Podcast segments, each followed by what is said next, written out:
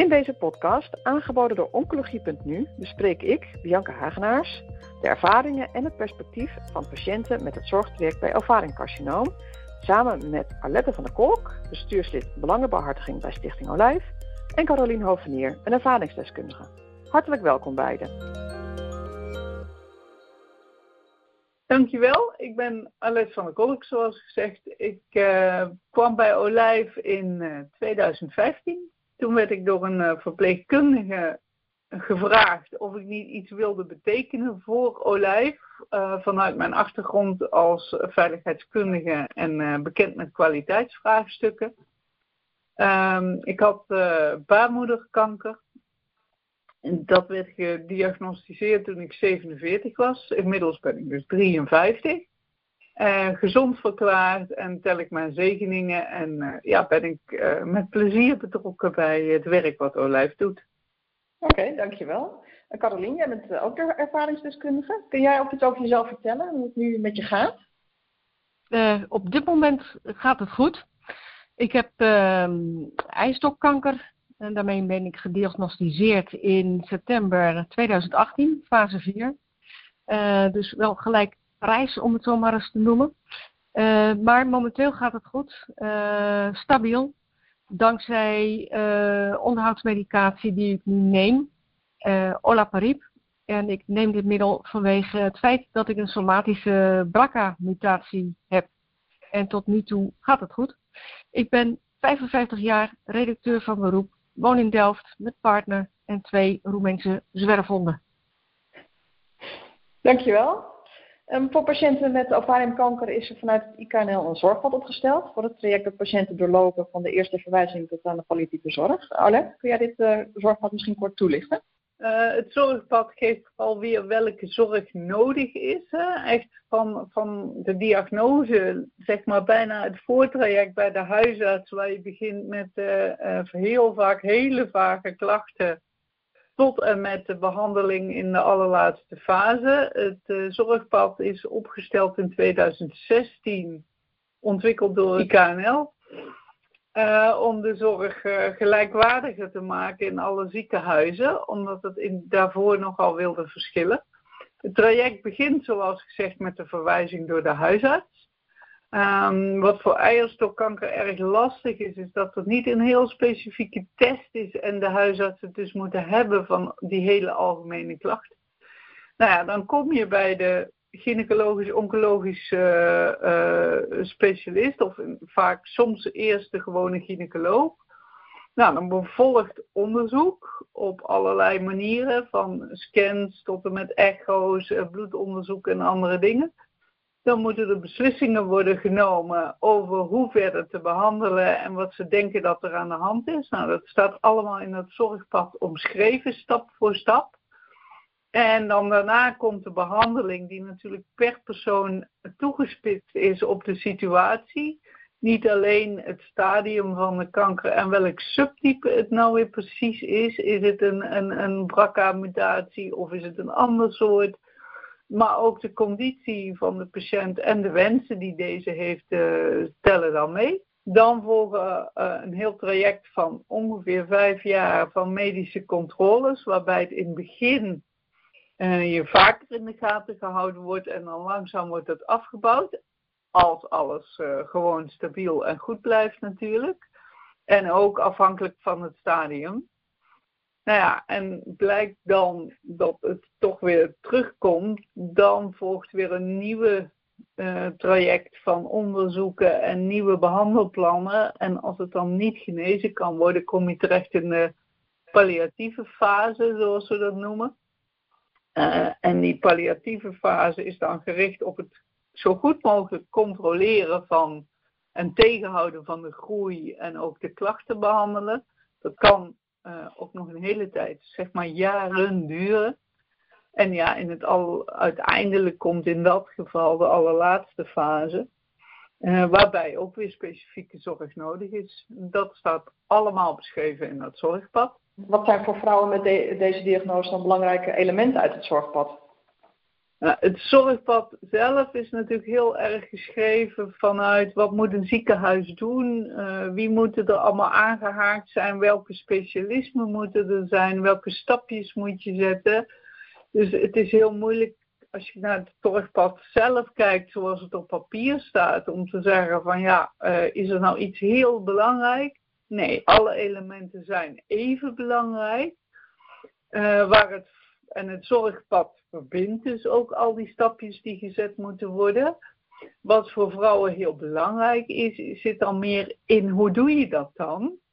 Uh, als ik kijk naar die allereerste fase bij de huisarts met die vage klachten die ik net noemde, dan is vooral de aandacht voor die klachten en het heel serieus nemen daarvan en uh, niet te lang roepen van blijf het maar uitzieken of wacht nog maar even af. Dat blijkt uh, heel belangrijk, dat horen we ook terug uh, van, van de ervaringsdeskundige die Olijf allemaal spreekt. Ehm, dat dan, als dan doorverwezen wordt, niet alleen aan bijvoorbeeld de maag-darm-leverarts gedacht wordt, maar ook met ook aan de gynaecoloog, want ook daar wil het nog wel eens op misgaan. Um, wat daarnaast niet altijd uitgevraagd wordt en soms ook niet helemaal serieus genomen wordt, is zijn er klachten in de familie? Ook al zijn er klachten in de familie geweest die niet per se erfelijk zijn, het kan toch zijn dat er iets zit wat we niet weten. En we hebben al vaker gezien dat vrouwen um, ja, ergens in de familie bij een tante of een oma of zo, dat er toch iets aan de hand was. Uh, en dat hun zorg niet ongegrond was, maar niet snel genoeg serieus is genomen. Dus dat is wel iets, ook echt wel bij de huisarts, maar ook uh, als ze in het begin bij de gynaecoloog uh, verwezen zijn, om goed alert op te zijn. Nou, wat verder belangrijk is, is duidelijke uitleg over de stapjes. Um, dat de wachttijden niet te lang blijven, want het is natuurlijk, als je eenmaal weet wat er aan de hand is, dan wil je daar ook zo snel mogelijk dat er gehandeld wordt. Ja, soms kan dat niet omdat nader onderzoek nodig is. Dan is het goed om dat even goed uit te leggen, dat mensen dat snappen en dan is het weer prima. En ja, betrokken worden bij beslissingen. Daar zijn wat uh, verschillen uh, van inzicht of gedachten soms over. Hè, van uh, moet de patiënt dan gaan bepalen wat de behandeling is. En andersom zegt de patiënt van ja, maar daarvoor ga ik toch naar de dokter. Die moet voor mij vertellen wat er kan. De patiënt weet ook niet wat de beste behandelingen zijn. Maar het gaat erom dat je heel goed uitlegt en samen bekijkt wat is voor jou nou belangrijk in je leven en uh, wat betekent dan de voorgestelde behandeling? En zijn er misschien soms ook alternatieven mogelijk? Uh, en dat de patiënt zich dan gehoord voelt en ook het idee heeft dat hij daar invloed op kan hebben. Dus dat is heel belangrijk. En ja, niet alles in één gesprek willen. We horen wel uh, ook van zorgverleners terug dat ze dat soms best lastig vinden. Hè? Want ja, dan moet je nog een keer in gesprek.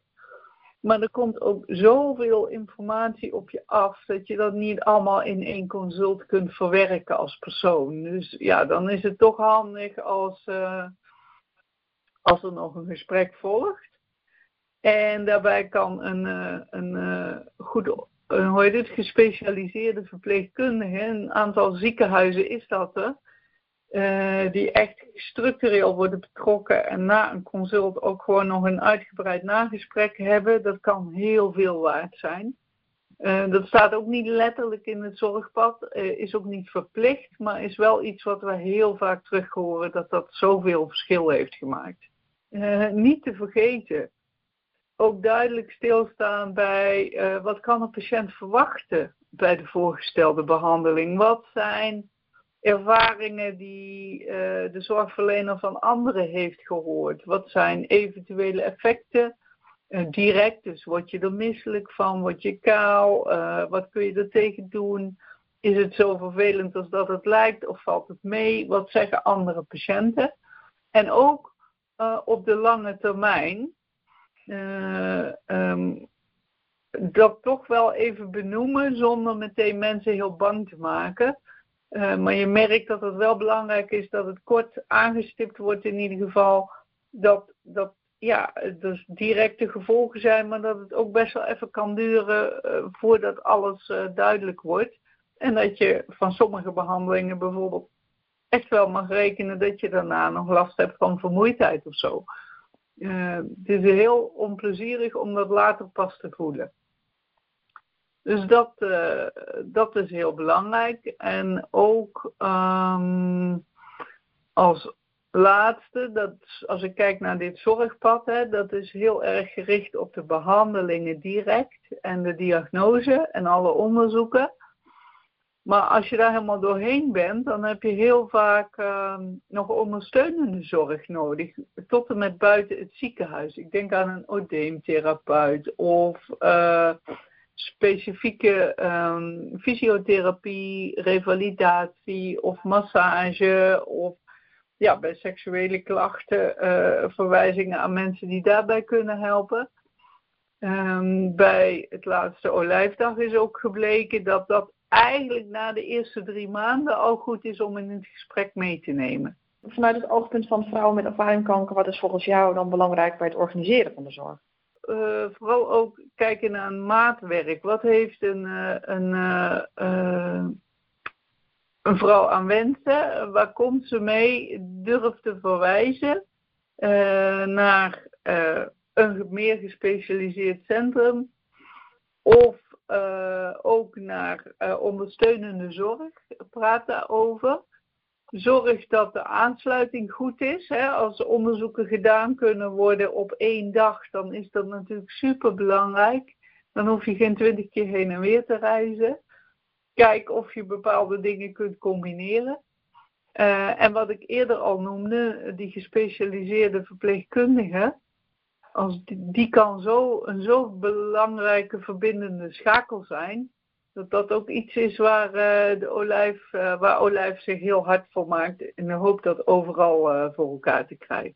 Um, het zorgpad start in feite bij het bezoek aan de huisarts, waarbij het vermoeden bestaat dat er sprake is van een, of een carcinoom. Carolien, kun jij kort iets vertellen over dit eerste traject van je ziekte voordat bij jou de diagnose werd gesteld? Het was uh, voorjaar 2018. Ik kreeg wat last van mijn rug, een beetje rugpijn, een beetje darmklachten, opgeblazen gevoel, obstipatie. Het viel niet meteen op, want uh, ik ben was een marathonloper. Uh, en dan heb je niet zoveel last van obstipatie als je 30 kilometer aan het hardlopen gaat. Dan ga ik vanzelf naar de wc. Um, en die rugpijn die had ik uh, geassocieerd met, ja, met een blessure. Dus het duurde even voordat ik bij de huisarts terecht kwam. En die dacht aan ehm, wat, ja, hoe zeg je dat, diarree um, achtige uh, klachten. Dus ik kreeg wat maagzuurremmers mee. En dat heb ik tien dagen geslikt. Dat hielp niet. Vervolgens is het bloed gecontroleerd op parasieten, op de heliobacter die verantwoordelijk is voor de maagsfeer. Toen waren we inmiddels al vier weken bezig. Nou, alles was negatief. Dus zij zei, dan blijft er niks over. Dan is het een prikkelbare darmsyndroom. En omdat ik 50 plus was, wilden ze een coloscopie doen. En wij waren toen vier dagen voor de vakantie, dus ik zei tegen mijn partner, we gaan eerst vakantie vieren. Um, en ineens had ik uh, tijdens die vakantie een dik been. Het linkerbeen was anderhalf keer zo dik als het rechterbeen. En toen dachten wij ook van ja, dit heeft niks met een prikkelbare darmsyndroom te maken, dit is wat anders. De huisarts die zag dat ook zo, want de volgende dag um, lag ik op de onderzoekstafel met een spoedecho. En dat uh, hele gebeuren heeft twee à drie maanden in beslag genomen. Dus dat duurde wel even voordat ik weer doorverwezen. Nou ja, toen ben je dus verwezen naar het ziekenhuis. Uh, welke onderzoeken zijn er toen gedaan en wat werd hierover verteld door je arts? Ja, de volgende dag lag ik op de onderzoekstafel uh, van de radioloog. Die ging een echo doen. En die radioloog die, uh, ja, die, die ging een soort live verslag beginnen. Van hé, hey, ik zie daar een clear en ik zie daar ook een uh, eierstok die wat vergroot is. En daar zie ik een beetje vocht van een beetje spoor, een beetje acides. En ik begreep echt niet waar ze het over had. Um, en zij wilde ook geen antwoord geven wat dat nou allemaal betekende. Maar ze zei wel, je moet eigenlijk direct doorverwezen worden naar een hematoloog, oncoloog. En ook naar een gynaecoloog vanwege al die opgezette klieren en uh, vergrote eierstok. Dus dat, dat moest heel snel. En toen dacht ik al van nou, dit is uh, foute boel. Ehm, flink van de kaart, eh, omdat ik geen duidelijkheid kreeg. Ik eh, kreeg een gesprek met een hematoloog. Die maakte toen vervolgens ook een gesprek met de gynaecoloog. En die plande die CT-scan in en een biopt. Ehm, en zij zei, nou, zodra we de uitslag van die CT binnen hebben en die biop, dan gaan we jou bellen. Maar vanwege die ervaring met die radioloog en dat live verslag met allerlei medische termen waar ik niks van begreep, um, wilde ik dat niet. Omdat je op basis van een enkele CT-scan of een biopt niet weet uh, wat je nou eigenlijk hebt en of daar nog wat aan te doen is. Dus ik zei dat ik dat niet wilde, die tussenstanden. Hè?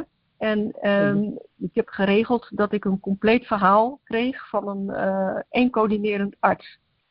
En dat gaf me wat meer rust, want in die onderzoeksperiode ben je toch twee, tweeënhalve week bezig. En maar, er is maar één vraag natuurlijk centraal van wat heb ik en is er nog wat aan te doen? Ik kreeg na 2,5 week van de gynaecoloog te horen dat het eierstokkanker was. Uh, of een vorm van baarmoederkanker, heel zeldzaam met eierstokachtige eigenschappen. Dat konden ze nog niet precies uh, uh, weten. Um, toen die diagnose gesteld werd, toen zat ik binnen drie dagen bij de internist-oncoloog vanwege fase 4, dus direct al een palliatieve behandeling. En um, daar heb ik te horen gekregen dat het biopt naar het LUMC is opgestuurd, omdat daar een somatische BRCA-mutatie uh, uit het tumorweefsel bleek. Ja, je bleek dus een, een verandering in het BRCA-gen te hebben. En uh, om alle patiënten goed te identificeren wordt nu bijna overal eerst tumorweefsel getest. En wanneer hier dan een uh, mutatie wordt gevonden, wordt overgegaan tot counseling over erfelijkheid. Ging dat ook zo bij jou en, en hoe heb je dat ervaren? die klinisch geneticus van het RUMC, die hield regelmatig uh, spreekuur in Delft. Dus dat was wel makkelijk. Ik kon gewoon terecht in mijn eigen ziekenhuis. Die heeft uitgelegd hoe dat, uh, ja, hoe dat onderzoek uh, plaatsvindt. ik moest natuurlijk wat voorwerk doen, de familie afbellen. of er eierstokkanker ook in de familie voorkwam. Dan wel aanverwante kankers zoals borstkanker en prostaatkanker eigenlijk bleek daaruit dat um, er wel wat familie in, uh, kanker was in die familie, maar ook heel erg weinig. En tijdens dat gesprek is eigenlijk ook direct al gezegd, nou, de kans dat het erfelijk is, is vrij klein. En dat was wel uh, geruststellend. Dus het speelde wel in mijn achterhoofd. Uh, maar er was geen paniek uh, in, de, in, in de familie. Arlette, bij het ovariumcarcinoom vindt een moleculaire diagnostiek gecentraliseerd plaats in academische ziekenhuizen. En chirurgische behandeling en de systemische behandeling meer gedecentraliseerd. Wat is jullie ervaring met die regionale verdeling van zorg? Wij zijn heel erg blij dat er ook een centralisatie is. En Olijf zegt dan altijd, uh, wij willen de zorg dichtbij waar het kan en veraf waar het moet. En veraf bedoelen we dan mee dat je dus verder van huis moet en voor een aantal dingen niet in je eigen ziekenhuis terecht kunt. Um, omdat het gewoon heel erg speciale vaardigheden vraagt en ook een goede klinische blik. Dat, uh, dat het ook goed wordt gezien. Dus uh, het is al een aantal jaren in de gynaecologische oncologie zo dat, uh, dat er zo'n 22 gespecialiseerde centra zijn op dit moment waar eierstokkanker wordt behandeld in de volle omvang. En ehm, daar zijn er dan de afgelopen jaar tien van aangewezen die dus de HIPEC-behandeling mogen doen. Dat is er nog een hele aparte en die vraagt nog meer kennis en inzet. Uh, en wij zijn als Olijf uh, met de beroepsgroep in overleg uh, of, of het voldoende gecentraliseerd is. Omdat we ook weten dat er nog een aantal subtypes zijn, zoals granulosa-cel eierstokkanker, die zo zeldzaam is dat je daarvoor misschien denkt van nou, daar zou je één of twee of drie uh, superspecialisten voor nodig hebben.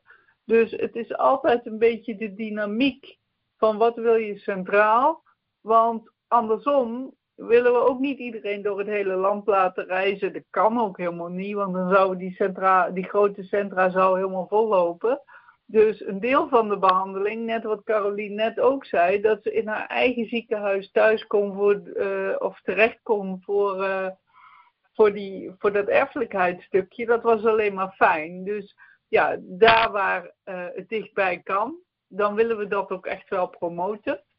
En dan zorg je er ook voor dat er in de regio gewoon voldoende kennis blijft om het ook goed te kunnen, kunnen zien vanaf het begin. Dus uh, ja, en dat geldt dus niet alleen voor het behandelen van de kanker zelf. Het geldt zeker ook in dit geval voor het erfelijkheidsonderzoek en consultatie. Als we dan even kijken naar die eh, diagnostiek, uh, zijn er dan nog verbeterpunten te noemen die, terug, die jullie terug horen van patiënten? Ja, het is een beetje een lastige vraag, omdat uh, uh, eierstokkanker uh, toch, als je kijkt naar de overleving, heel lastig vroeg te diagnosticeren is. Hè. Die vage klachten hebben we al genoemd. en er wordt, weten we ook vanuit Olijf, door allerlei mensen gezocht naar kunnen we die kanker beter begrijpen en snappen hoe die werkt, zodat we hem ook eerder kunnen vinden.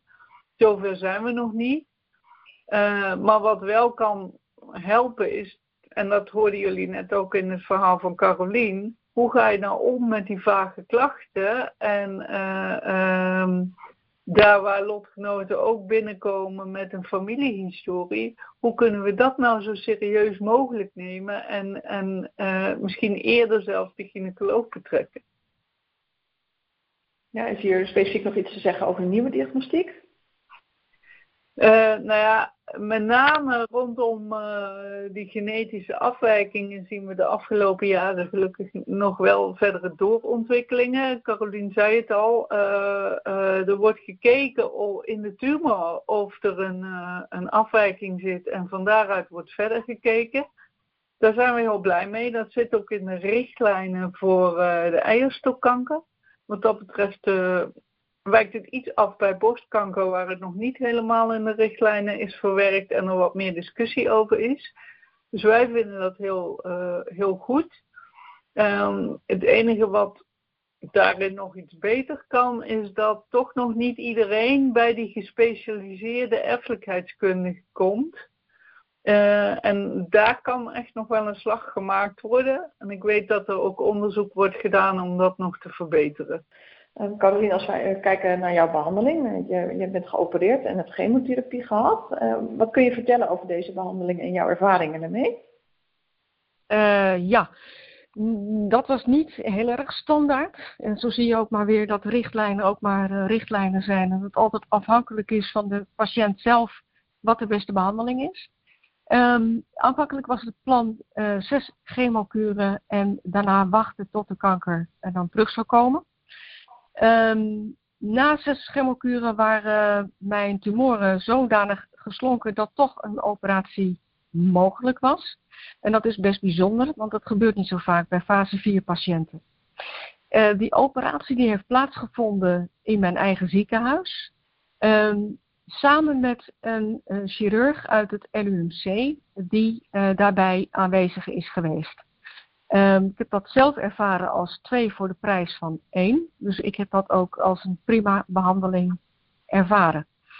Um, toen de operatie uh, heeft plaatsgevonden, dat was een normale uh, debulking operatie, omdat een HIPEC operatie niet mogelijk is voor fase 4 patiënten, of eigenlijk niet zo zinvol is, um, heeft daarna nog één chemokuur plaatsgevonden. Aanvankelijk was de bedoeling om twee kuren uh, in te zetten om de uh, restante uh, cellen te doden.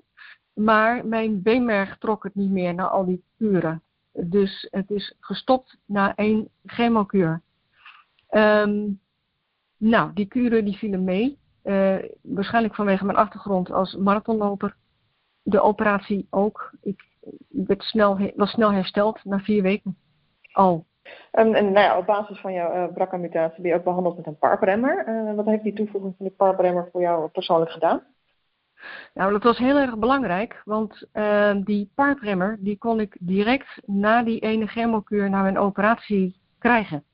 En dat kon op basis van compassionate use. sinds 16 april is het gebruik van deze PARP-remmer na de eerste serie chemokuren standaard, opgenomen in het basispakket. Maar toen dat bij mij speelde nog niet. En uh, ik heb het wel kunnen krijgen, dus op basis van die compassionate use. Het is belangrijk dat die PARP-remmer uh, in die fase gebruikt kan worden, omdat gebleken is dat een PARP-remmer na de eerste serie behandelingen langer werkzaam is dan uh, na een recidief, zoals tot voor kort het geval was. Dus die PARP-remmer die werkt veel langer. Um, dus ja, omdat ik na die operatie maar één chemokuur kon krijgen en niet twee, zoals de bedoeling was, was het prettig om een alternatief middel te kunnen krijgen om die kankercellen uh, aan te pakken. En uit mijn verhaal blijkt dus ook duidelijk dat ook een mutatie in het tumorweefsel een indicatie is om een PARP-remmer te gebruiken. Ja, zeker. Ja. Uh, wat kun je vertellen over jouw ervaringen met de PARP-remmer versus chemotherapie? Uh, dat is een, uh, voor mij een wereld van verschil. Zoals ik al eerder vertelde, was de chemotherapie te doen, maar het is natuurlijk wel chemotherapie. dus je bent er wel brak van. Ik heb ook verschillende complicaties gehad met de chemokuren. het is een keertje onder mijn huid terechtgekomen, waardoor een plastisch chirurg eraan te pas is gekomen om tegengift toe te dienen. Een beetje naar verhaal, maar het is allemaal goed afgelopen. Ik heb ook een uh, spoedopname gehad vanwege een infectie, vanwege lage bloedwaarden, bekend met chemotherapie. Um, dus het, dat was niet niks. Um, als ik dat vergelijk met de partremmer die ik nu neem, dan heb ik totaal geen lichamelijke klachten. Ik kan normaal dagelijks functioneren. Uh, ik uh, laat die honden uit uh, drie keer op een dag. Ik, ik, zit in het krachthonk. nou, gewoon, ik merk daar verder helemaal niks van. Het is wel zo dat de dosering moest worden aangepast, omdat ook parkremmers effecten hebben, kunnen hebben op leukocyten, trombocyten.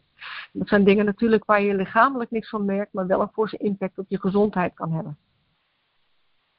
Ja, en als je terugkijkt naar het, het hele behandeltraject, is je gevoel nu over de behandelingen die je hebt gehad? Ik vind zelf dat ik de beste behandeling heb gehad, omdat die parpremmers dus al na de eerste behandeling beschikbaar voor mij zijn gekomen in de vorm van compassionate use. Daar heeft mijn arts ook ontzettend voor uh, haar best gedaan. Dus daar ben ik uh, ja, heel blij mee, geluk gehad. Ik ben heel tevreden um, over mijn uh, behandeling in het regionaal ziekenhuis. Omdat ik uh, ja, toch vaak daar naartoe moest. En het is hier echt om de hoek. Het is vijf minuten met de auto. Dus dat is heel prettig.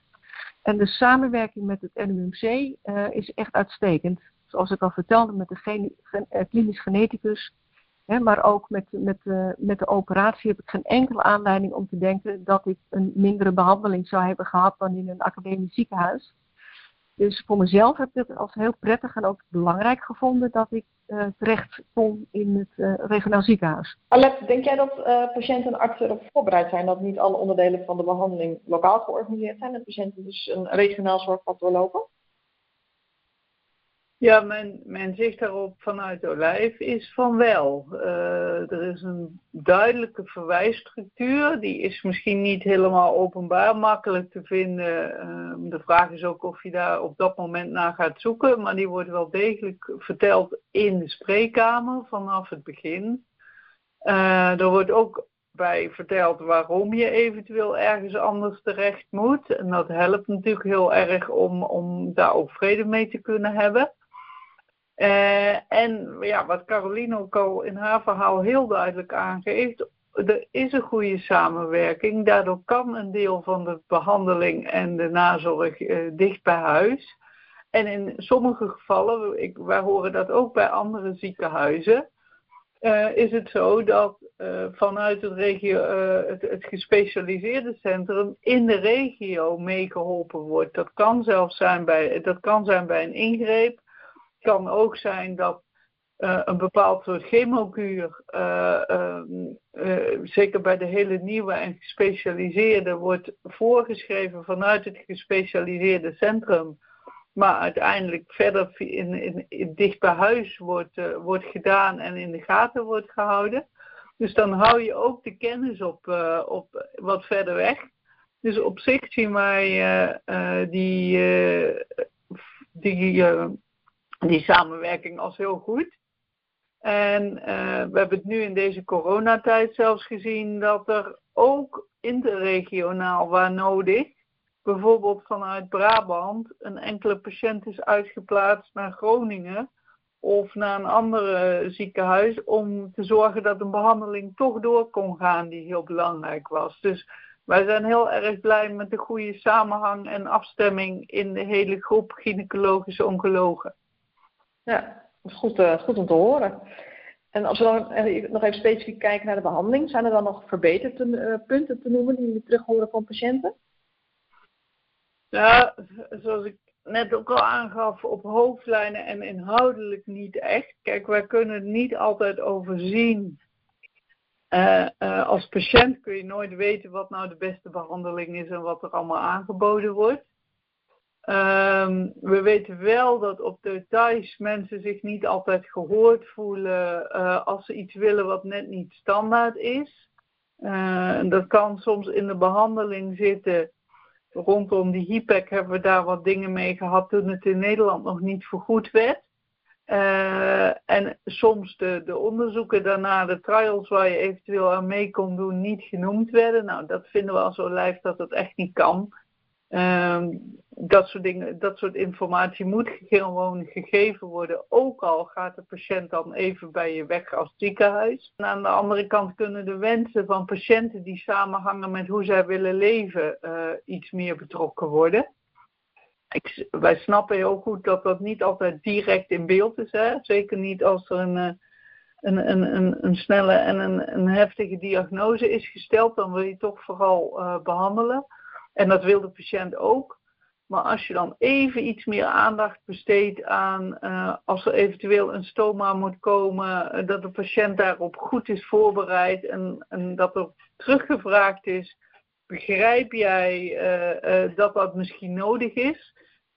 of dat er overlegd wordt, wat is dan de beste plaats, afhankelijk van de activiteiten van die patiënt dan is daar nog wel iets te winnen. Omdat, ja, het zit niet helemaal direct in het beeld van het medische, maar het zijn die kleine dingen die, het, uh, die de kwaliteit van leven zoveel kunnen verbeteren.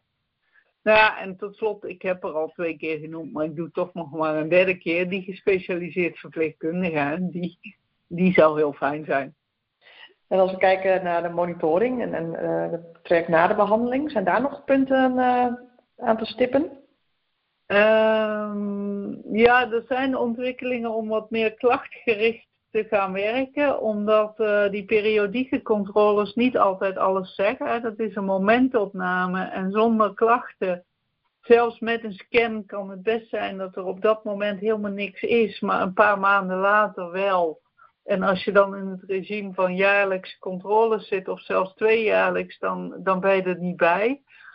Uh, dat klachtgericht gaat niet werken in het eerste jaar of zo. Dan wil je gewoon graag onder controle blijven. Maar we hebben ook wel gehoord dat mensen later in het traject die, die, uh, um, die controles ook als heel belastend gaan ervaren. Omdat het toch iedere keer weer verschrikkelijk spannend is. Dus als je dan samen kunt kijken hoe het anders kan, dan, dan worden we daar heel gelukkig van. En ehm, nou ja, andere aspecten dan de puur medische parameters. Hoe gaat het met je? Wat voor soort gevolgen ervaar je? Wat zou je daartegen kunnen doen? Um, daar wordt soms ook wat te luchtig overheen gestapt, terwijl ook die wel heel erg bepalend kunnen zijn voor hoe je je leven kunt oppakken. En daarmee ook je genezing kunt helpen. Of je, ja, de genezing van de ingreep bedoel ik dan. Want als jij lekker functioneert, dan ben je vaak ook sneller weer fit. Uh, en tot slot is het heel vaak dat mensen zeggen: Oké, nou is die vijfjaarsperiode voorbij, als het niet terug is gekomen, en dan?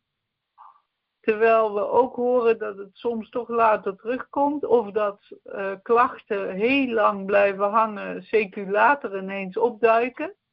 Uh, dus dan wil je gewoon een goed aanspreekpunt hebben waar je niet eerst een hele mallenmolen weer uh, door moet voordat je daar terecht kunt. Dus dat kan ook nog wel verbeteren. En Carolien, waar heb je als patiënt het meest aan gehad door alle stappen in de zorg heen geloodst te worden? Is er nog iets dat je hebt gemist?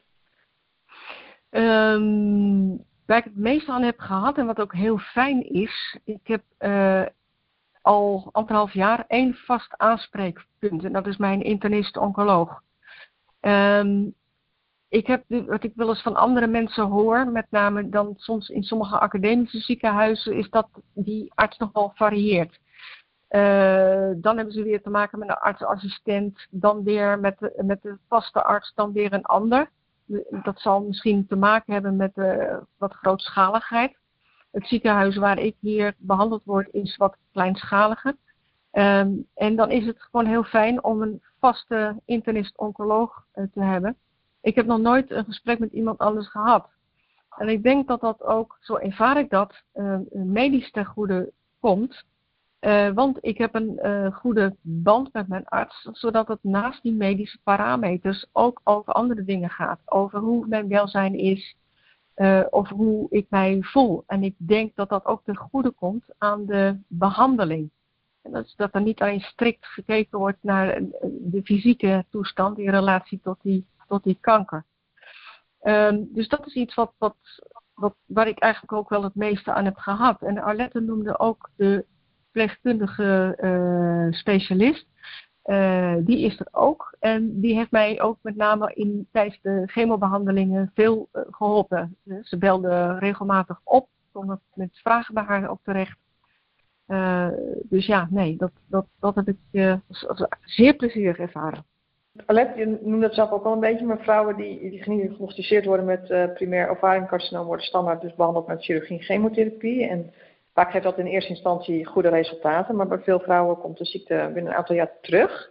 Hoe worden vrouwen die behandeld worden voor primaire ovariumkanker hier op voorbereid? Wat we bij uh, Olijf horen, is dat over het algemeen gewoon vanaf het begin wel wordt benoemd dat het een hele nare is. Uh, dat het moeilijk te voorspellen is, zelfs bij een niet zo hoog stadium, of het helemaal goed gezien is en dat er altijd een kans is dat het terug kan komen.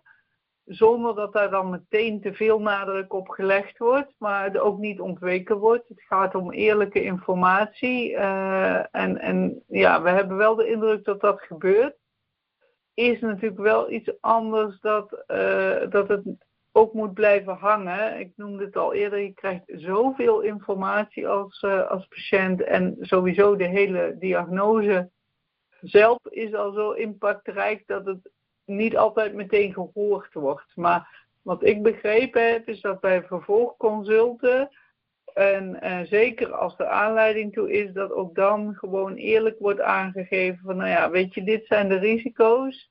We gaan ervoor en ik ga ervoor om, uh, om uh,